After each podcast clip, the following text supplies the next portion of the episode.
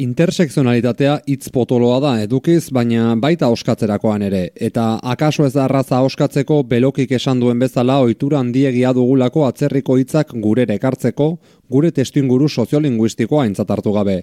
Euskal Herrian bada intersekzionalitate hitzari alternatiba bat bilatu diona. Maria Rodok, eh, akademiko katalandar batek esaten du intersekzionalitate hitza zaila dela oskatzeko. Bai. Beraz, Ez dago ez da iztegian, ere? Ah, pentsa. Pentsa esazu.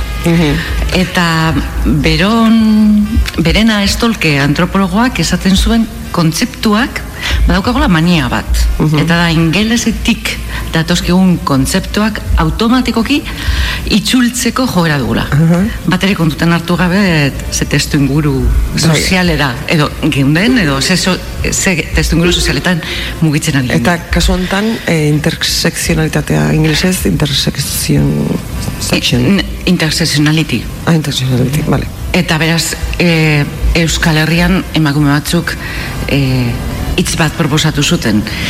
Eh, hain zuzen ere lore agirrak eta bilgune feministako ah, hainbat emakumeek proposatu zuten elkargune hitza.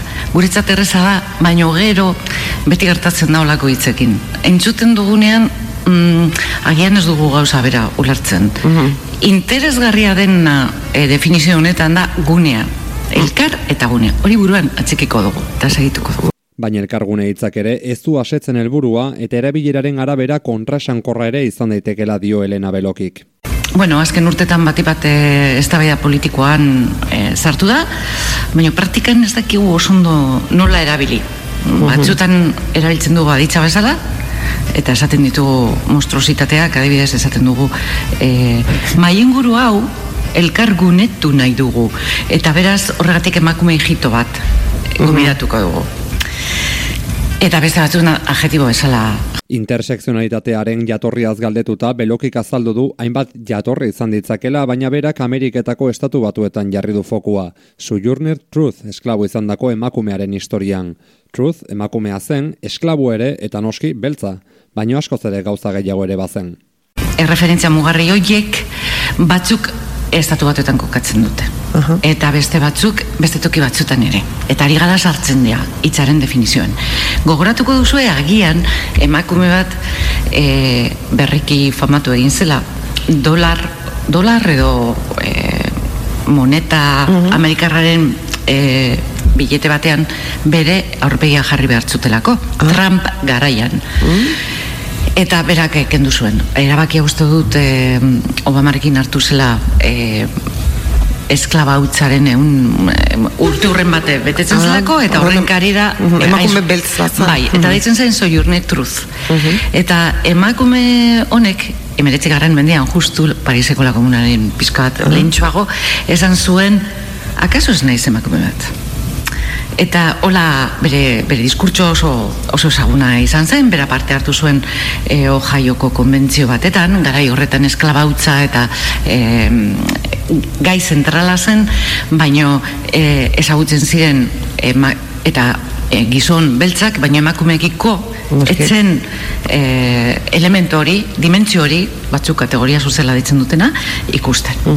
Eta beraz, e, berak diskurtso oso emblematiko egin zuen gara horretan eta utzi zuen e, garbi emakume beltz eta esklabo bezala bere esperientziak ezuela ezer ikustekorik emakume zuriekin. Noski. Beraz aboluzionista zen eta feminista zen. Eh? Bai. Bueno, eta emakume hoientzako beraien lehentasuna e, boskatzeko eskubiaren borrokan zegoen eta honentzako ez. Ja. Pariseko komunan nere ikusi denuen elemento. Bueno, hori izan zen beraz, emeretzi garren mendean, baina gero gondira ja, e, bere identidadea, mm ardazten zuela, ikuspegi ezberdinetatik. Batzutan pentsatzen dugu identidade bakarra garela. Mm. Galdera bat, zu euskalduna zara? Bai. Eta zure euskalduntasun horretatik emakume izatea ezberdin dezakezu? Mm, e, mm, ez. Edo adibidez, e, e, langilea, Mhm. Zu emakume langile eta euskalduna izateak eh, ataltzen aldituzu? Egia da, gauza, gauza bakoitza desberdina dela, esparru desberdinetako, desberdinetako kontuak direla, ez? Orduan egia da izan daitekela emakume emakume langilea, baina emakume euskaldun langilea, e, osea, koinziditu dezaket beste batekin mm, esparru batzuta, baina ez, ez beste guztitan. Bai. Lehen aipatzen genuen gune. Baina interesgarria dena da, e, nola el, elkar, edo, gurutzaketa, Bai. e, nola gurutzaketa bat ematen den, zapalkuntza, sistema ezberdinen artean. Eta nola zapalkuntza horiek egiten gaituzte. Kontua da emakume beltz batek hainbat izaera izan ditzakela, baina horiek ia beti izango dira diskriminaziorako faktore bat belokiren esanetan. Badaukate aman komunian oinarri bat, eta da diskriminazio bat ematen dela. Bai. Adibidez, beste ejemplo bat.